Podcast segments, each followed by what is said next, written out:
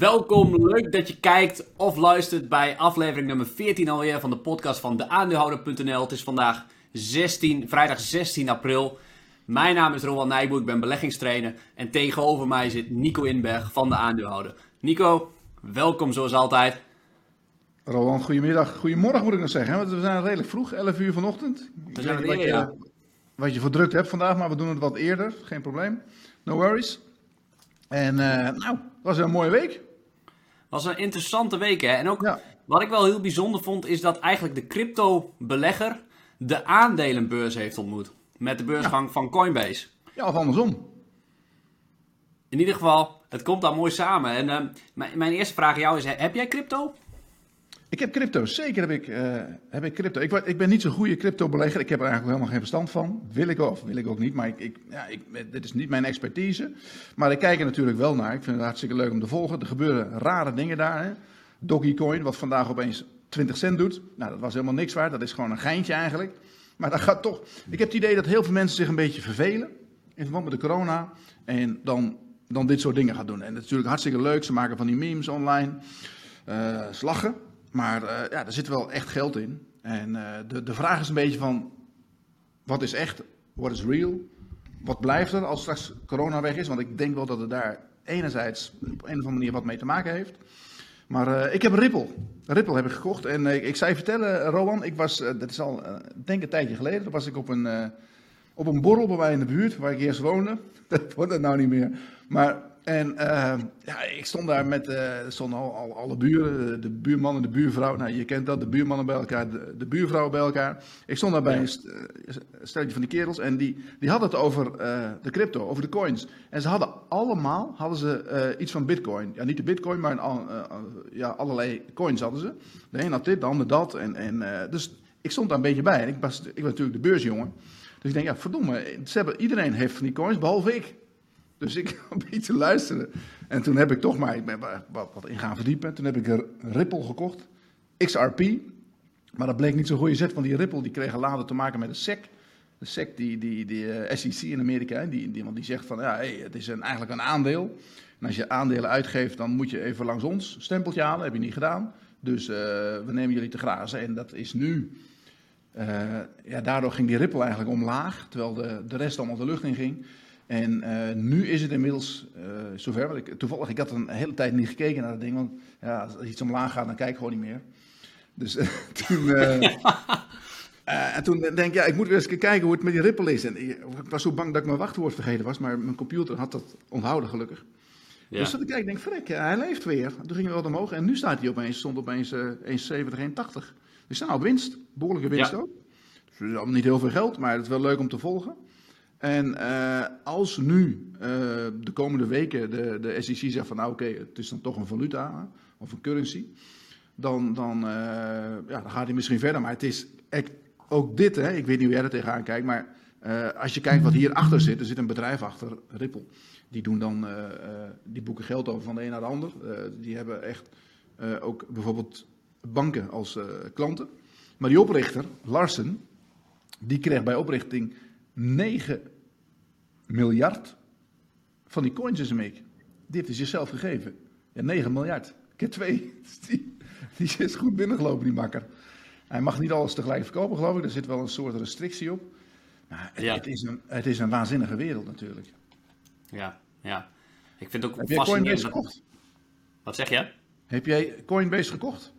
Nee, nee, Je gaat niet meer. volgende week een aandeel kopen met je, met je, je cursus of niet?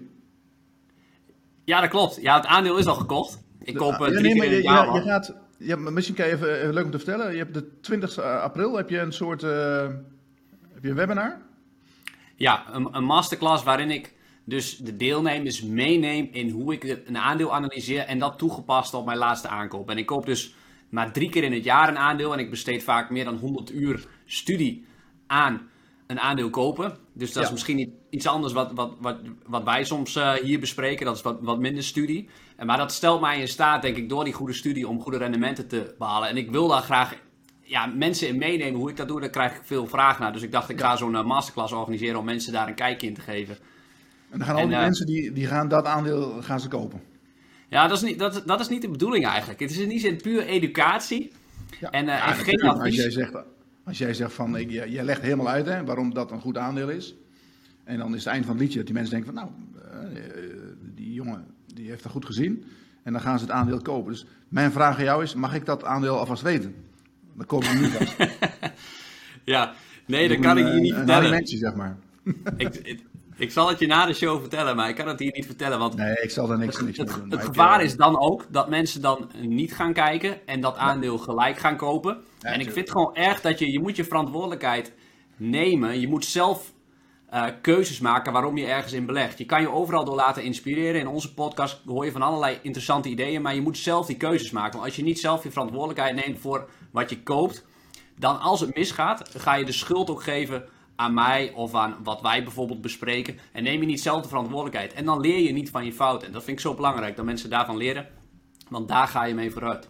Je wilt eigenlijk gewoon niet dat mensen jou de schuld geven als het misgaat. Nou, dat, dat, dat natuurlijk ook niet. Maar het gaat ongetwijfeld een keer mis. We, jij loopt lang genoeg mee om te weten dat lang niet alle aandelen goed gaan. Hou op, schei uit. nee, dat, dat klopt. Ja, je, moet, je moet zorgen, kijk, als jij, jij 7 van de 10 keer goed zit, is het al hartstikke mooi. Of 6 van de 10 keer. Je moet alleen, ja, wat, je, moet, je moet überhaupt niks, maar je, eh, je verliezen op tijd afkappen is belangrijk. En even zo belangrijk is je winsten laten lopen, want dat is, daar heb ik vooral Ja. heel veel moeite mee. Hè. Dat is, als je naar de beurs kijkt, je, je koopt een aandeel, het gaat lekker omhoog, dan denk je, ja, yes, en dan wil je winst nemen.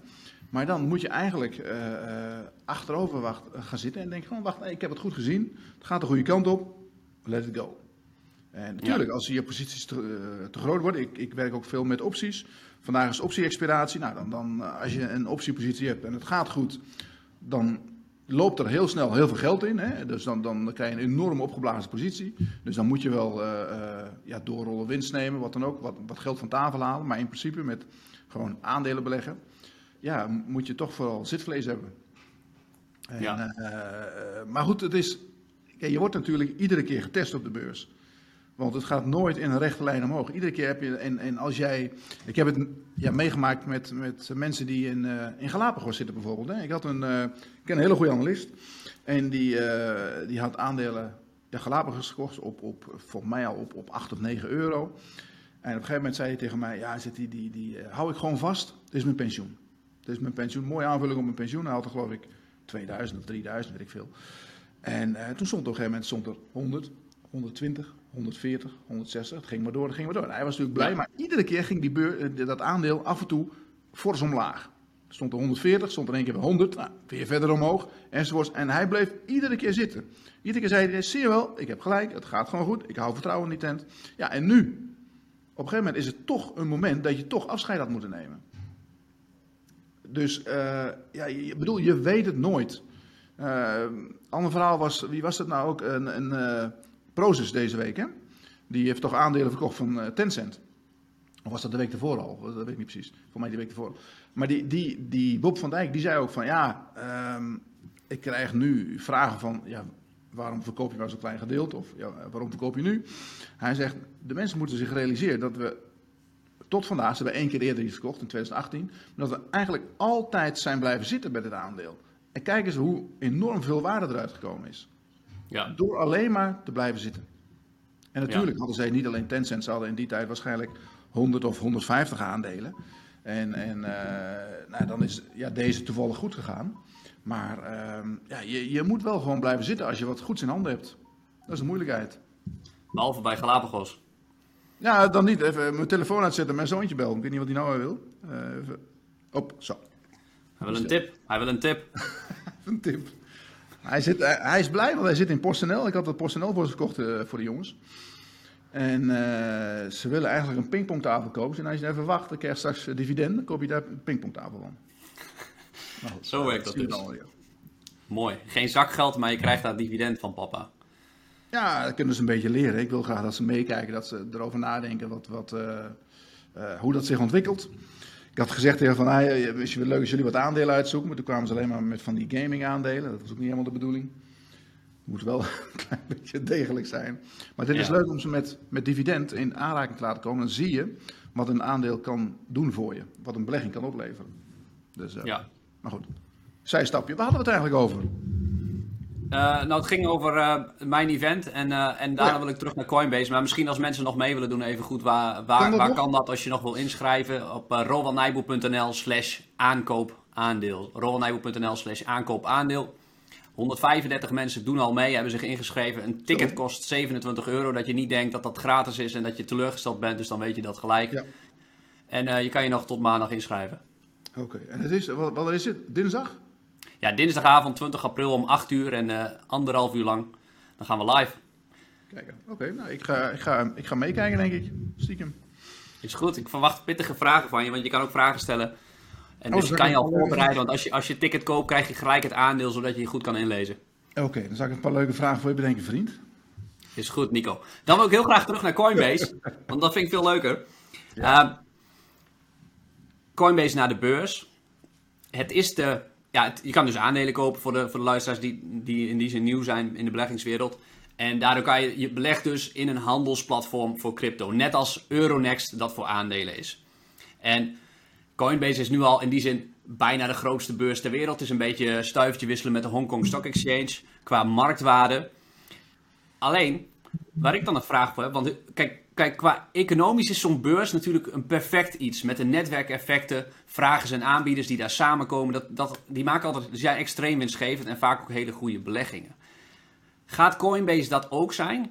Want ik zie nog wel een aantal risico's. Nou, die zijn er zeker die zijn in dit geval zeker. Kijk, hebben we het er laatst niet over gehad? Twee weken geleden hadden we over Euronext. Hè? Dat, uh, dat uh, de technologie, de blockchain, dat dat uh, ja, misschien wel die hele beurs overbodig maakt. Wat je hier ziet, denk ik, dat hele Coinbase, dat is gewoon een ouderwetse beurs eigenlijk. Alleen, daar verhandelen ze crypto's. Zij, zij hebben natuurlijk, zijn natuurlijk heel goed op de hoogte van die technologie, hoe dat allemaal gaat. Dus uh, dat weten ze allemaal heel goed. Maar uiteindelijk komt het erop neer dat daar, uh, hoe verdienen zij geld? P maal Q, hoge volumes en hoge marges. Dat is, dat is eigenlijk wat Euronext ook doet. Alleen, uh, ik las laatst dat ik, ik, ik, ken niet exact die percentage uit mijn hoofd, maar ik, uh, ik zag ergens dat je, dat je ja, voor een aankoop van een bitcoin 0,75% aan commissie betaalt. Aan uh, fee betaalt. Moet je je voorstellen dat jij koopt een aandeeltje Shell en dan betaal je 12 cent betaal je commissie. Zou je dat doen? Dan word je woest. Nee. Dat slaat nergens op. 12 cent per aandeel. Hè? Betaal je, je koopt ze op 16,25 en je wordt afgerekend op 16, 16,37. Dat kan natuurlijk niet. Dus, uh, maar omdat dit een, dit is een wilde markt, dus het is uh, nou ja, nog niet helemaal goed gereguleerd, gaat heel veel om. Uh, die koersen vliegen alle kanten op, dus daar valt heel veel geld te verdienen. Ook ja, voor de beurs, ook voor handelaren. Dus daar komen ze nu nog mee weg. Waar ik een beetje bang voor ben, zijn eigenlijk twee dingen. Ehm, de volumes die zijn nu extreem hoog. Nou, blijft dat zo als de corona weg is straks? Als iedereen weer aan zijn werk gaat, iedereen weer gewoon het café ingaat voor zijn vertier. Uh, dat is één ding. Uh, het andere ding is de, de marges, de winstmarges, dat de fees op die, op die aan- en verkopen. Hoe, hoe gaat het daarmee? Uh, historisch gezien, dat zie je ook bij andere beurzen, is dat, dat als er ergens veel geld te verdienen valt, komen er veel vliegen op de stroop af. en dan gaan die marges die gaan vanzelf omlaag. Dat betekent dat P maal Q, nou, de volumes, als die je terugzakken naar een, naar een, een ja, normaal aantal. Dat is natuurlijk link. En de, de fees omlaag gaan, nou, dan gaat het allemaal omlaag. Dus het wordt een stuk minder. Dus de vraag is, en dat, die kan niemand beantwoorden, hoe ziet de cryptomarkt er in de toekomst uit?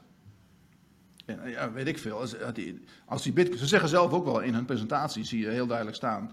Ze werken met drie scenario's. Hè. Ze kijken naar het aantal maandelijkse gebruikers wat ze hebben.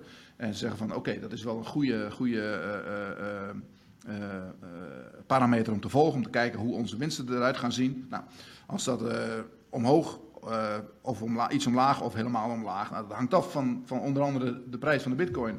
Als die bitcoin straks te, ja, terugzakt naar 5000, ja, dan kunnen ze de tent sluiten, bij wijze van spreken. En, ja. maar, maar, als die omhoog gaat naar 150.000, ja, dan denk je, oh, we moeten de bitcoin hebben. Dan ga je al die andere coins, we hebben Dogecoin gezien vandaag op 20 cent. Ja. Dus die komt van uh, voor, voor, mij helemaal niks. nu, uh, dus er is een, een, er is een hoop gekte. Ja, ja en uh, ja, je noemt die commissie van 0,75%. Ik, ik las het is van gemiddeld iets van 0,5%, een half procent inleveren. Ja. ja wat, wat jij dus eigenlijk een beetje zegt en waar ik het wel mee eens ben is... Coinbase zit in die zin ook een beetje gevangen. Want je kan of die commissie zo hoog laten zijn Maar dan is, komt er een concurrent. En ja. Coinbase is in die zin een kleine speler met een marktaandeel van 11%. Er zijn 300 beurzen. Nou zijn de meeste niet zo serieus als Coinbase, maar de Binance-beurs is qua volume 10 keer zo groot. 10 keer zo groot. Ja. En dat komt denk ik deels doordat ze een gemiddelde transactiekosten hebben van 0,15%. Dus volgens mij heeft Coinbase, althans als ze de volumes willen laten groeien, moeten ze die commissie laten zakken minstens naar die 0,15%. Anders, anders is een crypto-belegger gek als je dat bij Coinbase gaat doen. Ja, ik weet niet wat nou precies de reden is waarom al die, misschien dat Amerikanen niet, niet goed bij Binance kunnen op een of andere manier. Want dat, is, dat, dat, dat zit nu in, in Japan volgens mij. Maar is, het, het, kan, het kan niet zo zijn dat er twee beurzen zijn waar je dezelfde munt kunt verhandelen en waar je bij de een 0,5% betaalt, 0,7% en bij de ander 0,15. Dan gaat uiteindelijk iedereen overstappen naar die goedkopere beurs. Als die net zo veilig is en als het net zo. Want dat is natuurlijk wel een issue bij die, die beurzen. Uh, er is nog een hoop, een hoop argwaan van: hey, is, mijn, is mijn coin daar wel veilig? Dus, uh, maar goed, dat zullen we zien. Ik, ik moet nog wel zeggen, wat ik wel. Um, ik heb me er gisteravond wat meer in verdiept. Wat ik nog wel leuk vind is uh, aan Coinbase, is dat zij ook investeren in een he hele range start-ups. En kijk, je weet hoe dat gaat daar in Silicon Valley. Hè? Er zijn een aantal partijen met het venture capital, die zitten in al die nieuwe dingen. Ehm, we hebben het wel eens gehad over Cathy Wood. Nou, die, die, de, wat, wat, me van haar trouwens een beetje tegenviel, want die heeft op de eerste dag voor, voor 250 ja. Ja, miljoen gekocht. En ik snap niet als zij zo'n grote wallet heeft, als zij zoveel geld heeft, dat ze niet eerder erbij is. Ze had gewoon op die, voor die IPO, als jij 250 miljoen te besteden hebt, als zij gewoon naar het bedrijf was gaan, zeg maar luister, ik wil voor 250 miljoen investeren, ik wil gewoon meedoen op die IPO-prijs. Ik wil gewoon voor jullie wat aandelen hebben op de een of andere manier. Het is natuurlijk een direct listing, misschien lastiger. Maar uh, dat zij dan in de markt moet kopen, dat vind ik toch wel, ja, dan doe je, dan mag ze wel iets agressiever bij zitten, vind ik. Maar ik, ik was even op die, die uh, start-ups. Ik las een artikel waarin stond dat zij in, in, in ongeveer 100 start-ups geïnvesteerd hebben. En zij, uh, het is, Coinbase is, is, onder andere eigendom van een aantal van die start-ups. Hè. Je hebt Union Square, dat is een hele grote. Je hebt uh, Andreessen Horowitz, die zitten er allemaal in met, met uh, tussen de 5 en 10 procent. En die investeren ook in allerlei andere bedrijfjes. En daar zitten zij dan ook weer mee in. Dus uh, stel dat, dat Andreessen Horowitz een, een weet ik veel, een, een, een paar miljoen in een bedrijfje geïnvesteerd heeft, dan doen zij ook mee voor 2 ton of voor 3 ton. Nou, dat, dat, dat, dat heeft twee voordelen. Ze, ze houden die markt natuurlijk heel goed in de gaten. Van als er wat wat gebeurt ergens als er ergens een concurrent opkomt? Nou, dan, dan kan je hem pakken, want je, je zit er als eerste bij. En je hebt natuurlijk een, een soort extra, voor, voor, de beleggers met name, er zit een soort extra private equity component in. Dat, uh, ja, het kan maar zo zijn dat er een van die honderd, dat dat weer de nieuwe, weet ik veel wat wordt. Dus het, ja. geeft een beetje fantasie in het aandeel. Dus natuurlijk, ja, vergeleken bij de hoofdreden om te kopen, is dat, is dat klein bier. Maar het ja. is wel, um, uh, interessant, want dat is een wereld waar je natuurlijk als particulier totaal niet bij komt. Wat er allemaal gebeurt, je komt altijd in de. Je mag straks instappen in de laatste wagon en dan zijn zij al lang vertrokken.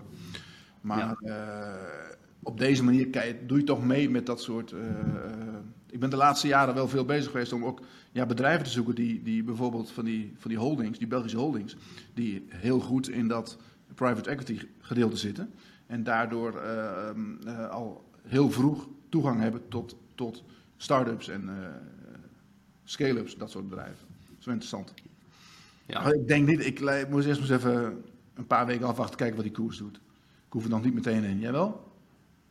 Nee, ik, ik, beleg sowieso niet als regel in, uh, in IPO's of direct listings, in, althans bedrijven die rechtstreeks naar de beurs gaan, omdat ze gemiddeld vaak op de hype naar de beurs gaan. En wetenschappelijk onderzoek wijst elke keer uit dat over drie jaar periode daarna ze gemiddeld best wel slecht presteren op de lange termijn. IMCD, heb je er wel eens van gehoord? Ja, er zijn uitzonderingen, Nico. Ja, er zijn uitzonderingen. Maar... euro, nu 120. Ja, ja, ja, ja. Nee, ik heb ik zeker van gehoord. En Just die Takeaway natuurlijk ook een mooi voorbeeld ja, naar de beursgang. Zijn, er zijn ook andere voorbeelden, hè? laten we eerlijk zijn. Ik, bedoel, het is, het is, uh, ik vind altijd, je moet elk, elk aandeel op zijn merites beoordelen. Tuurlijk wordt het vaak een beetje gehyped. Maar uh, ja, wat, wat me wel uh, met name in Nederland tegenvalt, is dat, ze, dat de de Nederlandse banken vaak heel veel, heel veel moeite hebben om een bedrijf succesvol naar de beurs te brengen. Ik stond, ik heb me toen, toen een aantal jaren geleden ja, bemoeid met het vastnet, met een F, weet je wel, van die elektrische, van die opladen dingen. Ja. dat, dat, die moesten 30 miljoen hebben, dat, is, dat lukte niet. Eh, CM.com is ook niet gelukt, dat deed eh, ABN geloof ik, maar is ook niet, dat konden ze ook niet wegzetten in Nederland, dus ja. Terwijl Aan de andere kant, Goldman Sachs, de, de topbank op dat gebied, is het ook niet echt gelukt om Deliveroo fatsoenlijk naar de beurs te brengen. Eh, dat is ook een scam, hè? Ik vind dat de hele Deliveroo is gewoon één grote scam. Dat is, nou ja, daar hebben we het al eerder over gehad, maar dat als een, een, een bedrijf op de eerste dag 30% daalt, ja, dan zijn mensen er gewoon ingehangen. En ze, ze wilden beslist die listing hebben, ze wilden dat geld hebben. Nou, nu hebben ze dat geld. CEO lekker gecashed. En eh, ik denk dat ze het heel moeilijk krijgen, heel moeilijk gaan krijgen. Maar ja, ze Ja. hebben wel een hoop geld opgehaald nu. Ja, en dat is denk ik ook een verschil met Coinbase. Coinbase is natuurlijk extreem winstgevend. In het eerste kwartaal dit jaar waarschijnlijk 800 miljoen netto winst. En daardoor hebben ze natuurlijk ook geen extern kapitaal nodig. Nee, Zoals Deliveroo. Dat klopt, dat klopt. Het is ook, ik vind het ook een beetje een teken van vertrouwen. Dat het bedrijf zegt van nou, we gaan naar de beurs. Hè. We, kijk, je wilt natuurlijk je, je grote aandeelhouders, die wil je de kans geven om uit te stappen. Om, om eh, een soort exit te creëren. Dat ze in ieder geval iets kunnen verkopen. Ze hoeven niet alles te verkopen, maar op een gegeven moment heb jij iets, iets, iets eh, ja, je wilt ook een keer winst nemen. Dus, dus dan moet je ook niet... Mensen zeggen vaak met een IPO van ja, maar dan willen die, die, eh, die mensen van het eerste uur die willen eruit, die willen winst nemen. Ja, natuurlijk willen ze voor een deel winst nemen. Wil niet zeggen dat ze, dat ze niks meer vinden. Alleen, eh, wat je vaak ziet met dat soort bedrijven, die hebben een tijdspanne van drie tot vijf jaar. Ze een bedrijf oppikken en dan daarna weer, weer wegbrengen. Nou, dat, dat gedeelte is best een spannend gedeelte in, in de groei van een bedrijf. Hè, daar, moet hoort ook een hoog, hoog rendement bij, ook een hoog risico. Eh, ja, daar zijn zij in gespecialiseerd. En op een gegeven moment is het, wordt het een beetje mainstream. Echte groei is eruit. Nou, dan zeggen ze, mag nu naar de beurs. Probeer een hoge waardering te krijgen. En dan is het aan de beleggers. Die hoeven dan verder niks meer uit te zoeken. Die kunnen gewoon rustig blijven zitten, dividend in enzovoorts enzovoorts. Ja, ja. Wow. helder. Wil jij het nog hebben over eh, Just Eat Takeaway? Want dat, die kwam natuurlijk met cijfers. We hebben het er heel vaak over gehad. Nou, eh, ze hebben het met name aan mij te danken. Want ik heb de, de afgelopen maand, even terugkijken, maar ik heb best veel besteld bij ze.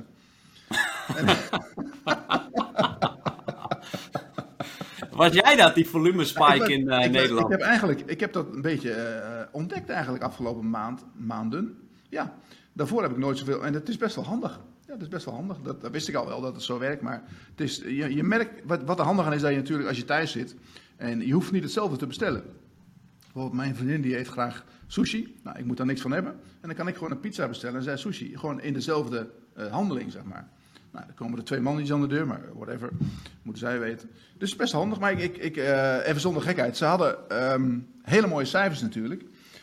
En ehm, wat, wat mij opviel eraan is dat, kijk, een tijdje geleden heeft, heeft Jitse gezegd van, eh, we gaan ons niet focussen op winst, maar we gaan ons focussen op groei. Hè, dat, met name betrekking op Engeland, want eh, hij heeft natuurlijk dat, dat Just Eat overgenomen en dat, dat Just Eat ging niet helemaal goed.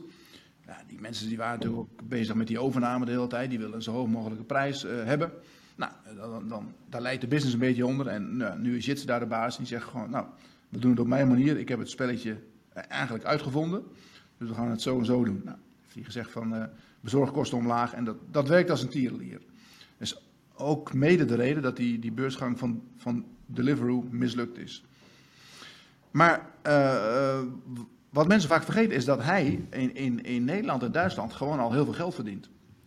En als je dan ziet dat die groeipercentages in Nederland en Duitsland, die waren enorm.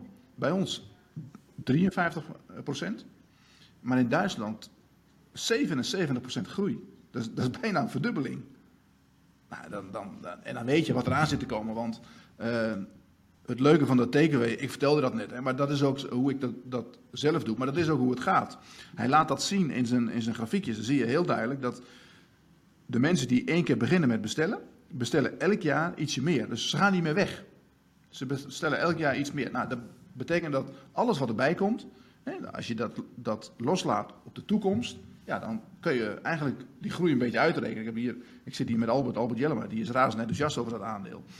En eh, ja, je kan dan echt, als je, dat, als je dat doortrekt, en het gaat ook gebeuren in Engeland en straks in Amerika, ja, dan, dan kan het echt, is de sky the limit. Goed, het, werd ook wel goed opgepikt deze week eindelijk, door, eh liep ook mooi op. Ja, ik denk als ze de oorlog in die belangrijke markten voor ze winnen, de UK en ook Amerika. Ik denk mogelijk nog wel dat die Grubhub aankoop van 7 miljard dollar misschien gewoon allemaal weggegooid geld is. Maar dan kan het nog steeds een goede belegging zijn. Maar we gaan zien hoe dat gaat uitpakken.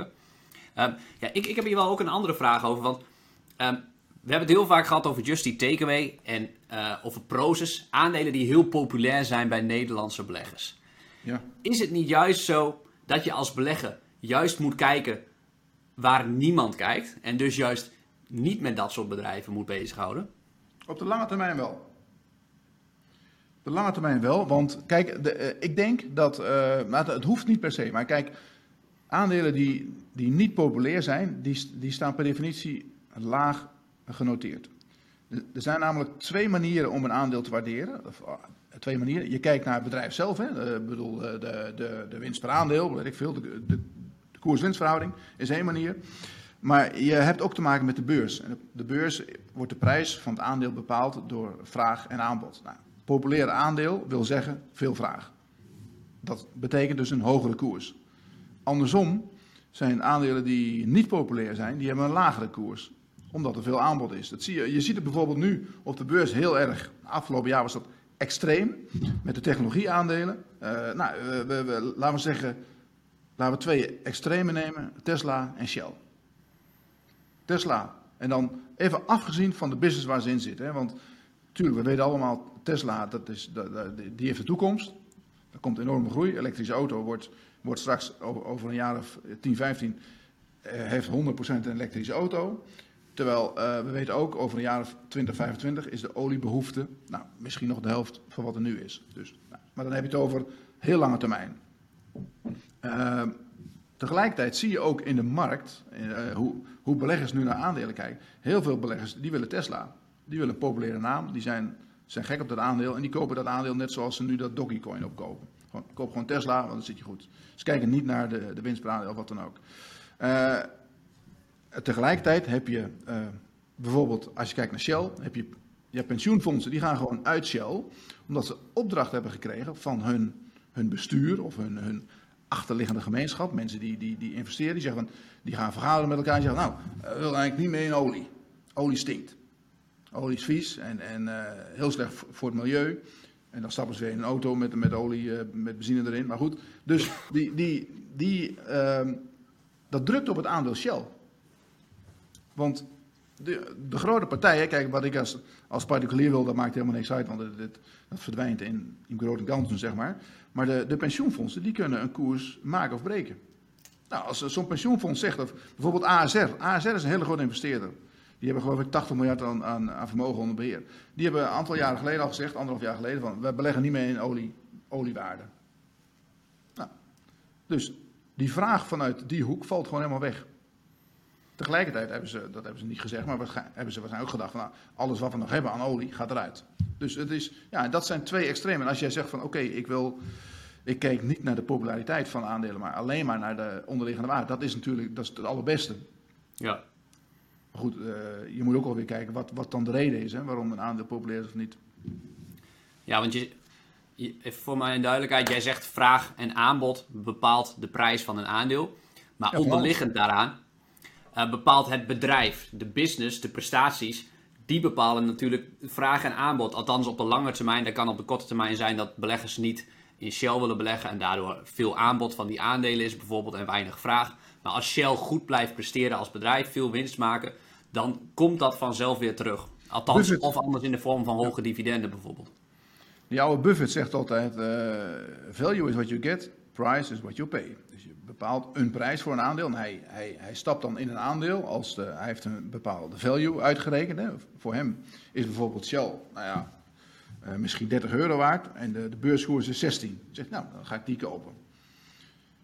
Zo kijkt hij naar aandelen en, en hij maakt eigenlijk zijn eigen, eigen waardering. Nou, dat is voor een particuliere belegger best lastig natuurlijk, maar ja, je moet dat wel, wel doen eigenlijk op een of andere manier. Ik hoop dat jij dat ook uitlegt aan je, bij je cursus volgende week, dat je, dat je um, op, op, op, basis van een aantal ja, criteria een bepaalde waarde krijgt. Die spiegel je aan de beurskoers en dan zeg je dit aandeel staat hoog of laag. Nou, uh, uiteindelijk moet je voor jezelf beslissen of je op langere termijn uh, in een soort aandeel, als je Als je, het over beleggen hebt, hè, niet, ik bedoel, uh, speculeren is wat anders voor korte ritjes, maar als je het hebt over beleggen, je hebt geld, dat moet je kwijt, dat, dat, dat wil je laten renderen in een, in een aandeel. Nou, dan moet je kijken naar de langere termijn en dan ga je uit van die waarde die jij aan dat aandeel geeft. En dan kijk je natuurlijk naar de prijs. Als jij, jij kan een fantastisch aandeel hebben. Jij, jij, zit in dat, hoe dat ook alweer, dat Micron? Ja. Micron, uh, jij vindt dat een fantastisch bedrijf. Ja? Mm. Het staat, nou, er zijn grote risico's, maar in de kern ben ik enthousiast. Kom op. Maar stel, dat staat, nu, dat staat nu rond de 90 dollar of zo. Ja. Nou, maar stel dat daar 300 stond. Had je dan ook gekocht? Nooit. Nee, precies. Dus je nee, kan dus, een, uh, een fantastisch bedrijf vinden, maar de prijs moet er ook naar zijn. Dus die is net zo belangrijk ja. eigenlijk. En als, ja. als er 50 stond, had je waarschijnlijk helemaal volgeladen. Maar, uh, uh, dus, ja, en dan natuurlijk, die prijs die fluctueert, want de beurs beweegt elke dag. Uh, er wordt elke, elke ja, transactie wordt er een nieuwe prijs bepaald. Dus daar heb je mee te dealen. En daar moet je een soort, ja, als je met jezelf een soort range afspreekt, wat normaal is. Ja, dan, ja. ja, mooi dat je zegt, dat waarderen vinden veel beleggers best wel moeilijk, want het is heel abstract. Maar ik, ik denk zelf dat het wel extreem belangrijk is dat je gaat bepalen wat je wil betalen voor een aandeel. Uh, zou je ook durven te stellen dat als je niet gaat waarderen, want als belegger ben je geneigd om de moeilijke stukken soms een beetje links te laten liggen en vooral naar bijvoorbeeld de mooie verhalen te luisteren. Ben je een speculant als je helemaal niet gaat waarderen?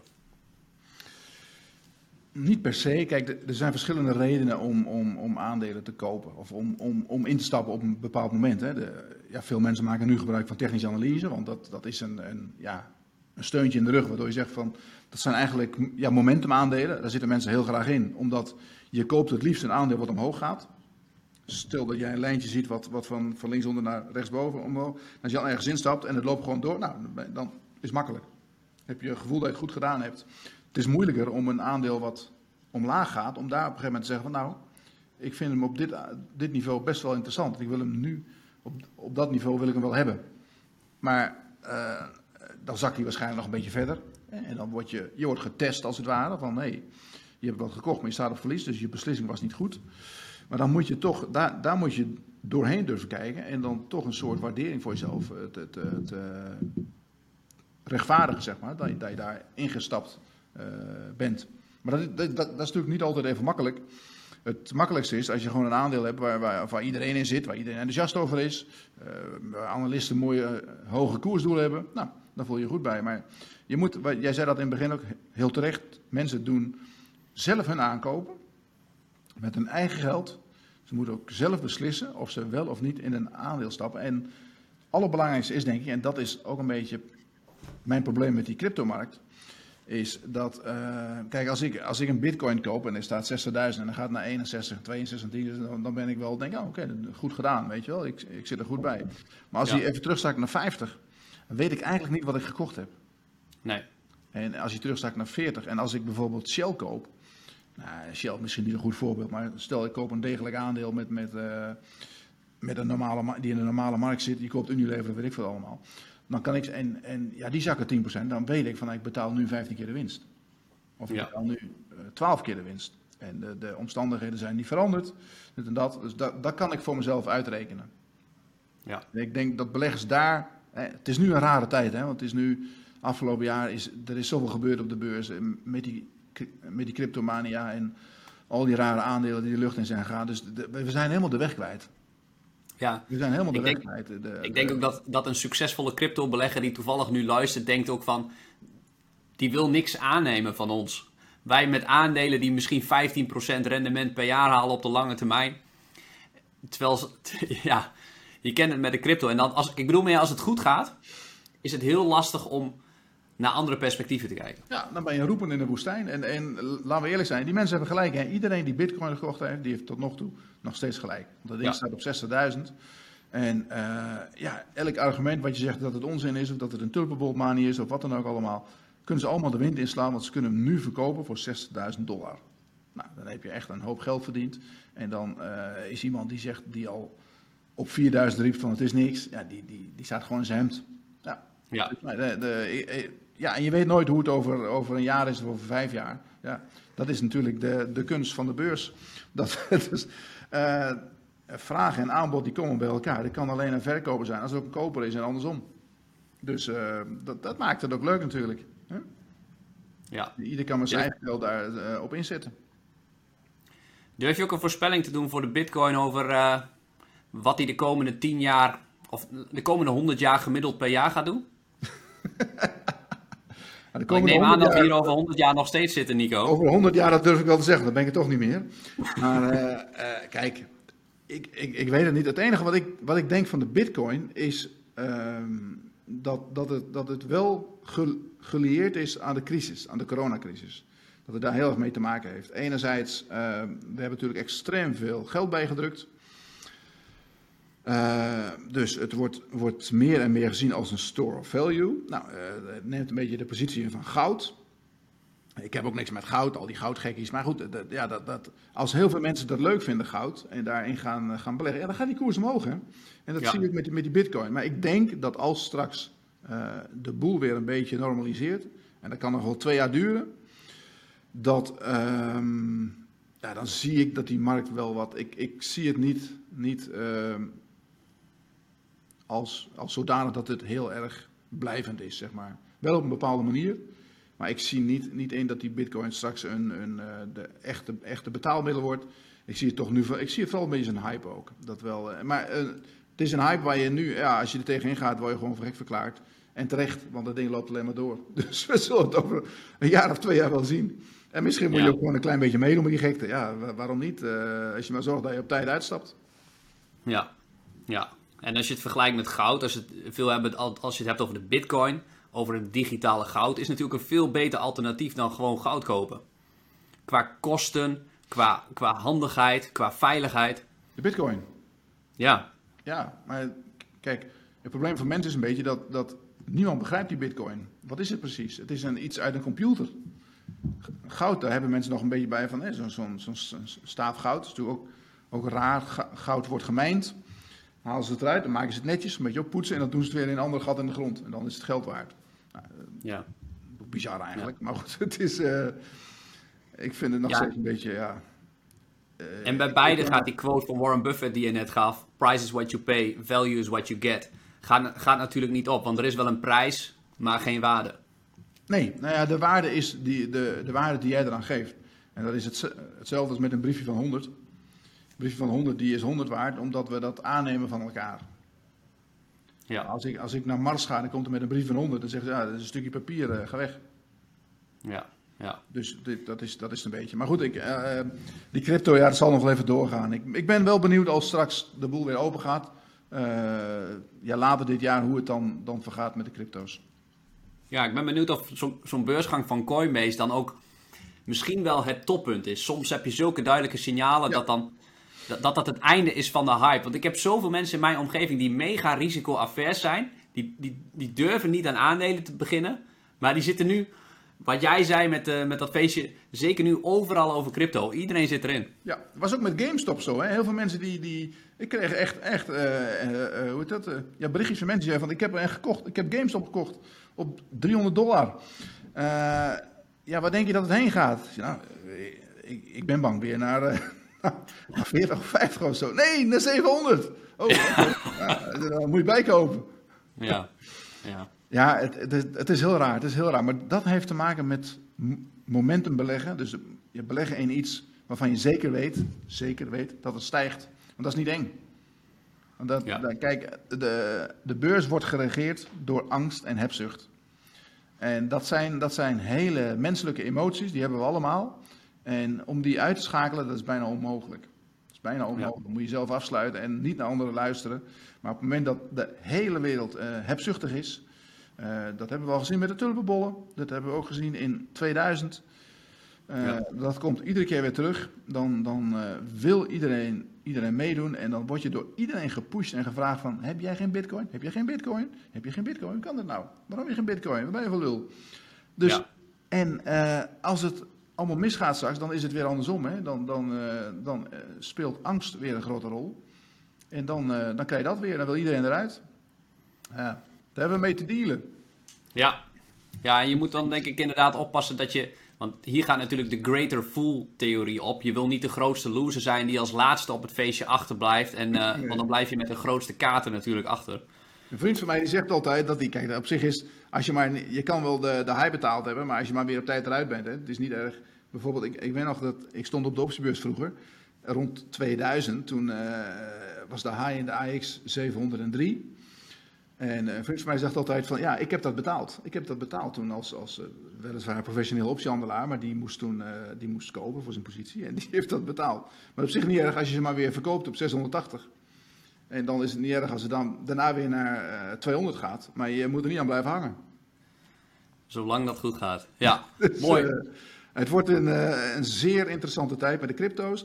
Wat je, wat je wel kan zeggen, denk ik, is dat, kijk, we hadden natuurlijk in 2000 had je zo'n, zo'n 2001 zo'n World Online ja, moment. Hè? Dat pas achteraf, hè, weet je dat. Een paar jaar later zag je van, hé, hey, dat was echt zo'n teken dat ja, die, dat die bedoel ik, daar zo met twee duimen stond. En dat is een iconische foto geworden. Maar dat was niet op het moment zelf. Dat was pas een jaar later of zo. Dat je wist van, ja, dat was echt, dat sloeg eigenlijk nergens op. Nee, maar ik heb ook aan meegedaan aan dat World Online. Ik heb ook geprobeerd destijds die aandelen te kopen, maar dat kon niet. Ik kwam er niet door. Toen moest je bellen met je, je internet of zo. Dat ging via, weet ik veel, uh, telefoonlijn. Godzijdank kwam ik er niet door, anders had ik ze ook gehad. Ja. Maar ik wil maar zeggen, uh, op het moment zelf is iedereen in de ban van zoiets. Coinbase was, iedereen heeft het erover, iedereen wil ze hebben. En op het moment dat het ding doorschiet naar bijvoorbeeld 600 dollar, wil iedereen ze nog steeds hebben. Op het moment dat die, die IPO uh, tegenvalt, het is toch een klein beetje tegenval, hè, want hij is niet, hij opende hoog en de, uh, de grijze handel stond hij op 600, stak hij gewoon terug naar uh, 400, uiteindelijk 325. kwam daarna het bericht dat onze vriendin in Los Angeles, Cathy Wood, ook gekocht had voor 250 ja. miljoen. Nou, toen stond het voorbeurs 10% hoger, weer ging het omlaag. Dus de echte hype is er nu een beetje af. En ja, mensen die denken nu van, misschien moet ik het toch niet hebben, want uh, het gaat niet zo hard als ik dacht. Dus misschien is het wel een teken dat het inderdaad een soort uh, ja, moment is, nu met die bitcoin op 60.000, 63.000, dat men denkt van nou, het is wel mooi geweest nu. Mooi. Luisteraar, als je meer wil weten over de beursgang van Coinbase, check dan ook mijn podcast Beleggen met Roland. Daar gaat ook een hele aflevering erover, echt vanuit beleggingsperspectief. Meer uitleg op educatief principe gericht als je dat wil begrijpen. Nico, we gaan afsluiten. Wat, uh, wat staat er nog in het magazine? Of heb je nog een tip? Of heb je nog een leuke, leuke grap als afsluiter? Nee, ik heb geen grap. Ik ben heel serieus, Roland. Kom op. Nee, we, we, hebben best een leuk. We hebben een, een, groot interview met de CEO van Wereldhaven. Uh, oh, over, over winkelvastgoed komt er ook wel aan natuurlijk. Gaat allemaal open. Nou, uh, het doet wat voorspellingen over het, het, dividend voor de komende jaren. Dat ziet er best wel goed uit. Moet wel wat gebeuren daar bij die winkelcentra. Er moeten worden omgebouwd tot meer ja, modernere soort uitgaansgelegenheden. Waar naast winkels ook horeca zit, maar ook andere dingen. Bijvoorbeeld uh, een tandarts en een, en een, een fysio en dat soort werk. Nou, leuk, leuk verhaal. Um, even kijken, we hebben het over ja, um, ETF van de week, cybersecurity. Zo leuk. Hm. Cybersecurity ja. is toch wel een markt die, uh, nou, die gaat gewoon die gaat veel groeien de komende jaren. Uh, Jordi heeft het allemaal uitgezocht. En we kijken naar takeaway TomTom Tom hebben we een heel stuk over. TomTom. Tom. Uh, ja, dat is een beetje, is dat nou dood geld of niet? Hè? Uh, moet je nou met zo'n aandeel zitten? Zij een beetje tussen wal en schip? Want dan, dan, als je nou kijkt hoe die. Uh, ik las een interview in, in de krant in Israël. Iemand tipte mij daarover. Ze hebben een abonnementje genomen op de Haaret. Mijn Hebreeuws is niet zo goed, maar het, ze doen het ook in het Engels. En okay. er stond een interview in met de CEO van Mobileye. En Mobileye ja. is overgenomen door Intel, dat is gewoon een chipbedrijf. En die hebben ze in 2017 gekocht voor 15 miljard. Omzet is inmiddels verdubbeld daar. En die zijn heel erg bezig, dat wist ik helemaal niet, maar die zijn heel erg bezig met die zelfrijdende auto. En die, die man zegt dat ze over een jaar, dus in 2022, ja, 22, dat ze gaan rijden met een zelfrijdende auto tussen uh, Tel Aviv en Jeruzalem. En dat daar, ja, ze beginnen met bepaalde gedeeltes, zeg maar, wat gewoon nou, min of meer recht toe recht aan is, zeg maar. En die, die schetst een beetje hoe die ontwikkeling gaat. Maar die zijn dus ook bezig met een kaartenbak. En hij vertelde ook over die kaartenbak, hoe ze dat doen. En zei, ja, dat, er worden heel andere kaarten dan die, die rommel van Google. Want er moet echt alles heel nauwgezet opstaan. Er moet bijvoorbeeld opstaan welk, welk stoplicht bij welke rijweg hoort. Als, er een, een, uh, als er wegwerkzaamheden zijn, dan moet daar ook, en er staat een, een, uh, ja, een dingetje dat je niet langs kan, moet ook op de kaart staan. Dus, en dat Ja. doen ze doordat dat ze eh, miljoenen auto's hebben rondrijden. Daar hebben ze contracten mee met, met eh, weet ik veel, met eh, die grote autofabrikanten. En die geven die informatie allemaal door. Maar dat, ja, bedoel, dat, dat is natuurlijk ook een concurrent van TomTom. En TomTom focust zich heel erg op die, op die kaarten voor de zelfrijdende auto's. Die maken zij ook. Dus die willen straks ja, verkopen aan waarschijnlijk die autofabrikanten. De vraag is of in deze markt, wie straks deze markt gaat pakken. Omdat je steeds meer ziet dat de, de, de, de auto aan zich wordt eigenlijk een soort laptop op wielen. Ja, een doosje. Er, komt, er, komen nu, er zitten nu al heel veel chips in. Maar het gevaar bestaat voor die autofabrikanten dat er straks een, een, een hele grote technologie eh, speler komt. Nvidia of, of Intel, weet ik veel wie. Misschien Google, misschien Tesla. Dat die gaan zeggen van oké, eh, die auto, jij moet die auto maken. Je moet de wielen erop monteren en, en het staal en het blik, weet wat er allemaal in zit. En de motor. En wij hebben een software. En die, die software is eigenlijk de auto. En de rest mag jij eromheen plakken. Maar dat is van, van ondergeschikt belang. En eh, ik denk dat het die kant een beetje opgaat. En dat is wel een interessante ontwikkeling, want dat betekent ook dat die autofabrikanten, dat die eh, eh, met name de kleinere, dat die het heel moeilijk gaan krijgen. Want die kunnen nooit die investeringen. Ja, en die kunnen. Eh, die zijn dus overgeleverd aan, eh, ook aan de softwareboeren. Want zelf gaan ze die software natuurlijk nooit kunnen leveren. In die zin is de enige autobouwer die wel de data heeft. En dus ook zelf de software zou kunnen leveren. Is denk ik Tesla. En hoe ver zij voorliggen met het aantal gereden kilometers. Dat is iets van. Ik denk inmiddels van 5 miljard kilometers. De nummer 2, Google met Waymo. En je hebt mobile dan ook. Maar die, die achterstand. Tesla's rijden op één dag meer dan Google Waymo in zijn hele bestaan. Ja, natuurlijk. Dat, ja, dat weet ik. Maar ik, ik denk dat je daar ook niet de concurrentie moet zoeken. Dat die, die, die concurrentie zit. Kijk, eh, ja, TomTom krijgt ook heel veel informatie. Die krijgt heel veel data binnen. Maar die hebben contracten met autofabrikanten die dat allemaal doorgeven. Iedereen die, die een, een TomTom-kastje in zijn auto heeft, eh, die krijgt, ja, daarvan krijgt TomTom de informatie. En zo'n Intel Ja, maar- heeft allemaal contracten met Volkswagen en BMW's die, die overal op de weg rijden. Dus wat dat betreft denk ik dat, dat, dat, dat je Tesla misschien meer moet vergelijken met, met, eh, eh, met de Googles en met de, met de Intels van deze wereld, dan misschien met een Volkswagen of een, een, eh, een Toyota. En kijk, Toyota en Volkswagen die verdienen genoeg geld om zelf hele grote investeringen te kunnen betalen. Maar de kleinere autofabrikanten die zijn straks overgeleverd aan een, een, een technologiebedrijf die hun heel goedkoop oppikt. Die zegt van, nou, jij, gaat mijn, eh, jij wordt mijn garage. Ja. Ik lever hier de software aan en jij bouwt er maar een auto omheen en dan eh, gaan we rijden.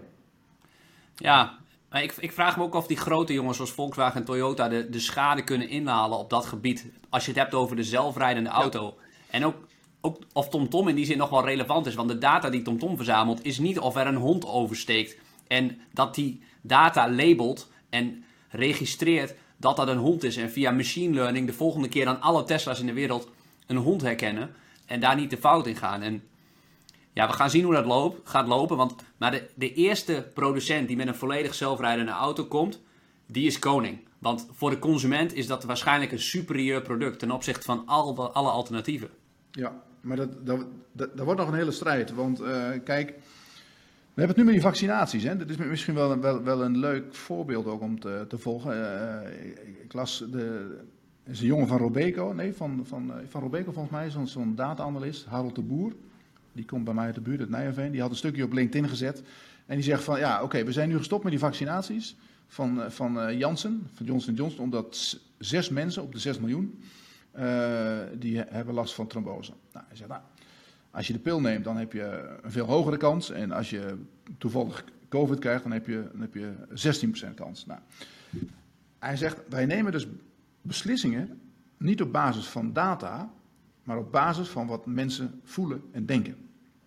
Mensen krijgen bij, die, bij die, die, dat nieuws van die zes gevallen een heel onaangenaam gevoel. En die zeggen van, dan zegt de, de, de beleidsbeslissers zeggen oké, we stoppen ermee. Ook al is het volkomen onlogisch, datatechnisch. Nou, dit kan met die elektrische, met die, met die zelfrijdende auto ook gebeuren. Die man in, in eh, Israël die zegt van ja, oké, we, we hebben nu, we zitten nu zeg maar in de wereld op, op on- ongeveer één ongeluk per 500.000 mijl dat er gereden wordt. Nou, hij zegt dat, dat willen we met die elektrische auto, gaat dat, gaat dat duizend keer beter. Eh, dus de- de- er komen nagenoeg geen ongelukken meer straks. Als alles goed werkt. Maar wat nou als ze in het begin, bij het, bij het testen van die zelfrijdende auto, en ze rijden door een woonbuurt en ze rijden een klein meisje van 600 erboven? Wat denk je dan wat Ja. er gebeurt met, met, met, met die eh, zelfrijdende auto? Ja, ja, ja. Veel commentaar op. Ja, dus dat, dat is, en dat, daar, daar reageerde hij ook op. Hij zei van ja, dat wordt, dat wordt wel een. eh, maar goed, en hij is een. een eh, die, die techneuten die kijken naar de cijfers. Maar die moeten niet vergeten dat de maatschappij eh, daar anders naar kijkt dan zij als, als eh, eh, technologieconcern. Dus, maar er wordt nog een hele. Uiteindelijk zal de technologie het wel winnen. Hè, als Ja, want het wordt, het wordt uiteindelijk veiliger als het perfect werkt. goed is, maar ik weet niet of ik dat nog meemaak. Het best wel een tijdje duren. Jij wel, denk ik. Ik ben al jong nog. Nee, laten we, Nico, volgens mij kunnen we nog wel 24 uur doorpraten. We zitten op 50 minuten. Laten we het afsluiten. Yes, goed. Is goed, bedankt voor het, volgende week. Yes, bedankt voor het kijken. kijken en luisteren. Tot de volgende week. Jo, ciao.